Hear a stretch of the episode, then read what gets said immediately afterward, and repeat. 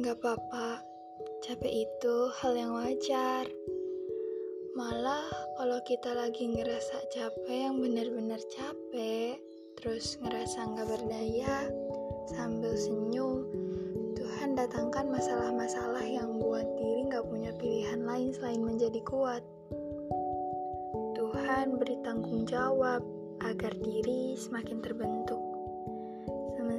Kirim banyak kejadian lalu untuk tumbuh. Tapi tumbuh kadang bikin bingung.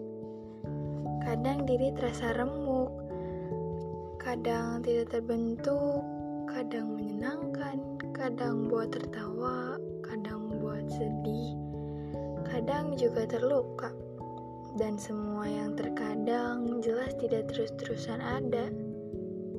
Tidak adil juga kalau sedih dipaksa hilang dari dunia. Beberapa darinya mungkin datang sebagai pengingatan bahwa tidak apa-apa kalau tidak selalu bahagia. Siapa tahu bisa menerima rasa sedih adalah hal membahagiakan.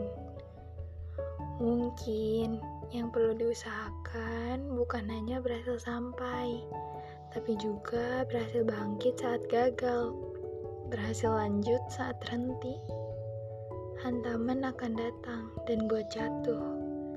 Terus begitu. Dari banyak hantaman juga kita belajar bagaimana jatuh dengan baik. Hingga makin lama kita terbiasa berlatih bangkit. Bukan lagi sibuk menghindar agar tidak jatuh. Dan sukses bukan lagi tujuan kaki bergerak Jatuh mengingatkan fungsi kaki dan apa yang ditopangnya untuk kembali berdiri.